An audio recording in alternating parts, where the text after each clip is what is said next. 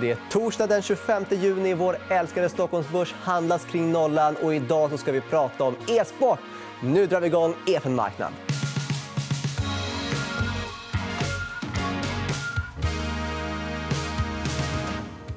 E-sport är en superspännande bransch och någon som tycker det här är ännu mer spännande än vad jag tycker det är ju Inge Heydorn. Du är otroligt entusiastisk kring det här ämnet.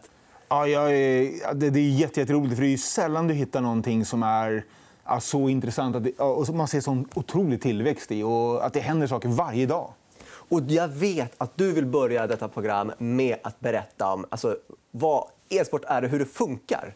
Precis. Näringskedjan. ja, precis. För jag tror att många missar och blandar ihop e-sport med spel och tänker att ja, men det är bara tv-spel. Eh, och, eh, det är en del av e-sport, men det här är så mycket, mycket större. Så jag tror man mer ska tänka Premier League eller någonting sånt. Så att, eh, vi har ju eh, några hemsidor som, som vi ska kunna visa. Också. Ja, precis. Vi kan börja med Overwatch League, ja. eh, som jag antar är som en liga. Här har vi den. Precis. Det här var en av de första större ligorna som startades av Activision, som Overwatch League, då, deras hemsida. Så vad det här egentligen är e-sport, det, det bygger på tv-spel.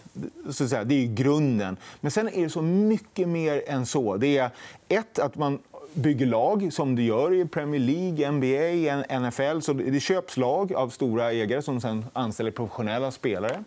Man åker runt till stora arenor, Madison Square Garden och liknande. Man hyr arenan och spelar mot andra lag. Man promotar datumen där och Precis. vilka tider som gäller. Ja, det, det sitter sen 25 000 på läktaren och hurrar, och hurrar för sina lag. Och, och så. Så det, det, är precis egentligen som ja, Premier League. eller någonting sånt. Så det är tv-rättigheter, eh, det är merchandise, alltså saker, kepsar. Det är, eh, gå in på H&M idag så ser vi massor med tv-spels-t-shirts och liknande. Så det är så mycket mer än själva spelet. Och Det är egentligen det jag, jag, jag försöker säga. Så att säga. Man ska inte bara titta på spelet. Men, eh, det här är ju ganska svårt att greppa kanske för eh, någon som inte spelar tv-spel alltså inte har något intresse att ens testa det här. Mm. Eh, om du får jämföra med Premier League, hur långt är de ifrån Premier League? Ja. Otroligt långt eh, om man tänker på i pengamässigt. Och det är därför det här är intressant. Men om man tittar på själva strukturen så i många fall är de snart där. Eh, om, om, om jag skulle jämföra till exempel med Call of Duty League, eh, som vi också har en slide på på datorn här. Om man tittar på Call of Duty League, den släpptes i, i januari. 12 lag, såldes för 25 miljoner dollar styck till ägare som äger hockeylag, fotbollslag och så vidare. Eh, sålde tv-rättigheterna till Youtube på tre år, så att, som, precis som Premier League. Säljer tv-rättigheterna. Eh, anställer Nielsen som gör alla de här marknadsundersökningarna för att de här bolagen vill ta betalt, precis som tv. Alltså, när tittar man? Vem tittar? Och så vidare. Och så vidare. Och så vill man ta in reklampengar för det hela.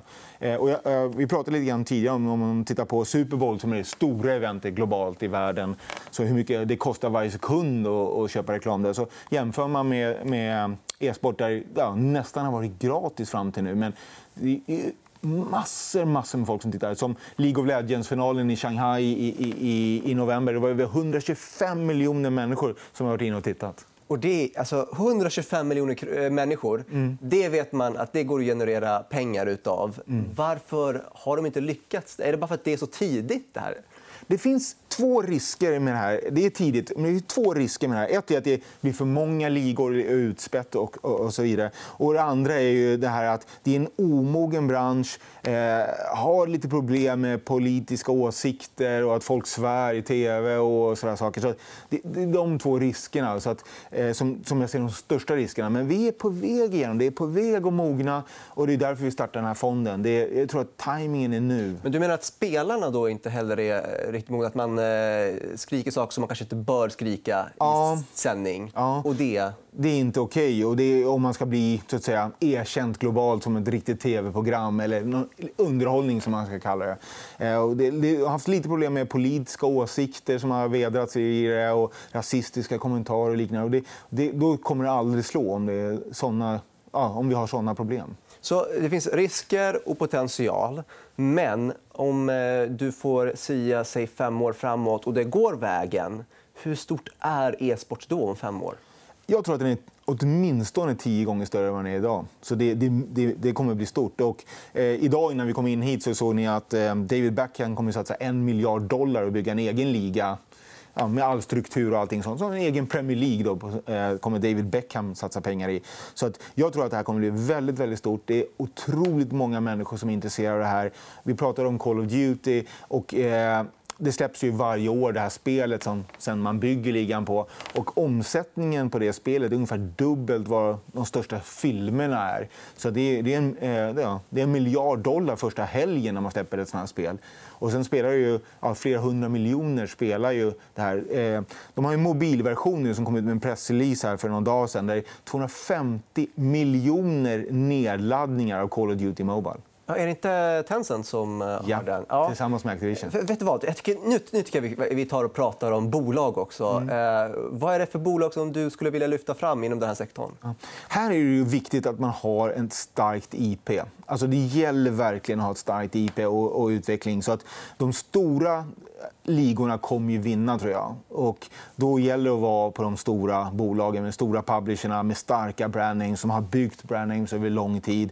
Vi pratar om Overwatch, vi pratar om Call of Duty, NBA basket eller Fifa fotboll från EA. Så att det, de stora publisherna eh, kommer vinna. Och sen tror jag att man också tittar på distribution. Sen tror jag även att såna företag som Logitech och såna kommer vinna. Ja, I och med att det blir massor saker man vill ha runt omkring det här när man sitter och spelar. Men du har nämnt Activision ett par gånger. Hur ser du på dem?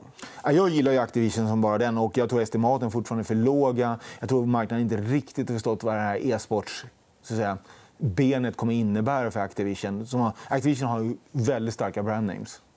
Och om vi då kikar i Asien är ju e-sport väldigt stort. Jag vet att i Sydkorea är det ju absolut gigantiskt. Finns det något bolag på det hållet som du kikar på? I Asien? Ja, vi, äger fonden till exempel. Vi äger Nintendo, vi äger Sony och vi, tittar, vi äger Tencent, till exempel. vi äger Hoya. Så vi tittar jättemycket där. Precis som du säger, eh, Hyundai skrev ett jättestort avtal med ett av e-sportslagen där för, för, eh, för, några dagar sedan. Igår Fnatic var ute, Gucci var ute och skrev ett avtal med Fnatic. Och Fnatic är ett lag? Ja, det är också ett lag. Då. Så Gucci går in där. Så det händer jättemycket. Och, eh, så att, nej, vi tittar jättemycket där, precis som du säger, för det är stort. Men det första börsnoterade laget är ju Astralis på danska börsen. Australis, okej. Okay. Men eh, en sak som man pratar om eh, vet, fotboll, som är den sporten som är närmast mig i, i hjärtat. Där är det så att fotbollslag det är föreningslag och de äger ofta i Sverige till 51 procent. Så att när man köper en AIK-aktie på börsen så kan man ju räkna med att man aldrig kommer få någon utdelning i princip. Mm. Eh, det är liksom ingen investering, man investerar med hjärtat mer. Nej. Hur är det på den här danska Eh, det börsnoteras i november, så det är lite tidigt fortfarande att se hur stort det här kommer bli för dem. Då.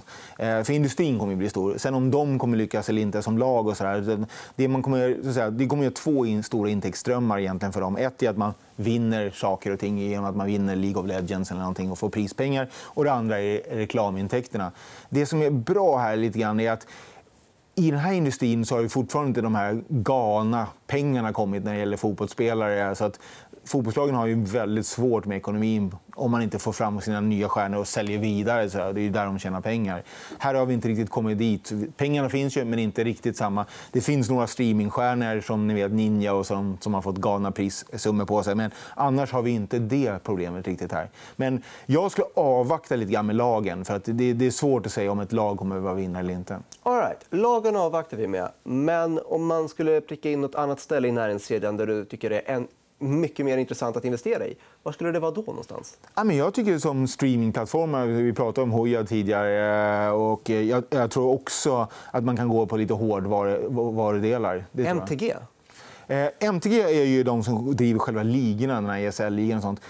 Jag tror att på kort sikt tror jag att de kommer njuta av det här också, av den här tillväxten. Och sånt. Risken är när de inte sitter på IPn att de blir utklämda av de som sitter på, på ligorna, alltså själva programvaran till slut. Och de gör det själva när det blir stort. Alltså, om, om det går bra för dem så kommer de inse att men vi behöver inte MTG, vi kan göra det här själva. Precis. Och igen kan vi ta Activision. Och, eh, deras här, minsta del, om man säger det, de har byggt en liga i Hearthstone. Och den outsourcar de då till MTG. Medan de stora ligorna kör de själva. Och du nämnde att man, det finns ju en eh, stor risk, vi måste kanske ändå gå in på det, att Folk kanske inte säger det de ska säga i live och så vidare. Mm. Hur jobbar man med att uh, rätta till det? Håller det här på att professionaliseras? Det håller på. De stora ligorna har infört nolltolerans, eh, vilket också betyder ett problem. I och med att de hade ju en spelare här på Overwatch-ligan som kommenterade Kina och Hongkong, det politiska läget där. Och, eh, då Activision gjorde vad de har sagt och stängde av den här spelaren. Men det var ett ramaskri mot Activision för att de stängde av honom och folk skulle bojkotta spelet och så vidare. Och så vidare. Så, att, så det är ingen lätt fråga, men de jobbar på det och eh, ja, förhoppningsvis får de, kommer de till rätta med det. Så just nu har de en väldigt hård stans, vilket de måste ha. Att de som gör dumheter blir avstängda och får inte vara med längre. helt enkelt. Och avslutningsvis, eh, det är coronatider och du pratade om att förut har det varit massa människor, live-publik, som eh, varit och sett de här finalerna. Nu är det inte det, men har de här klarat sig hyfsat bra ändå med tanke på att man spelar online?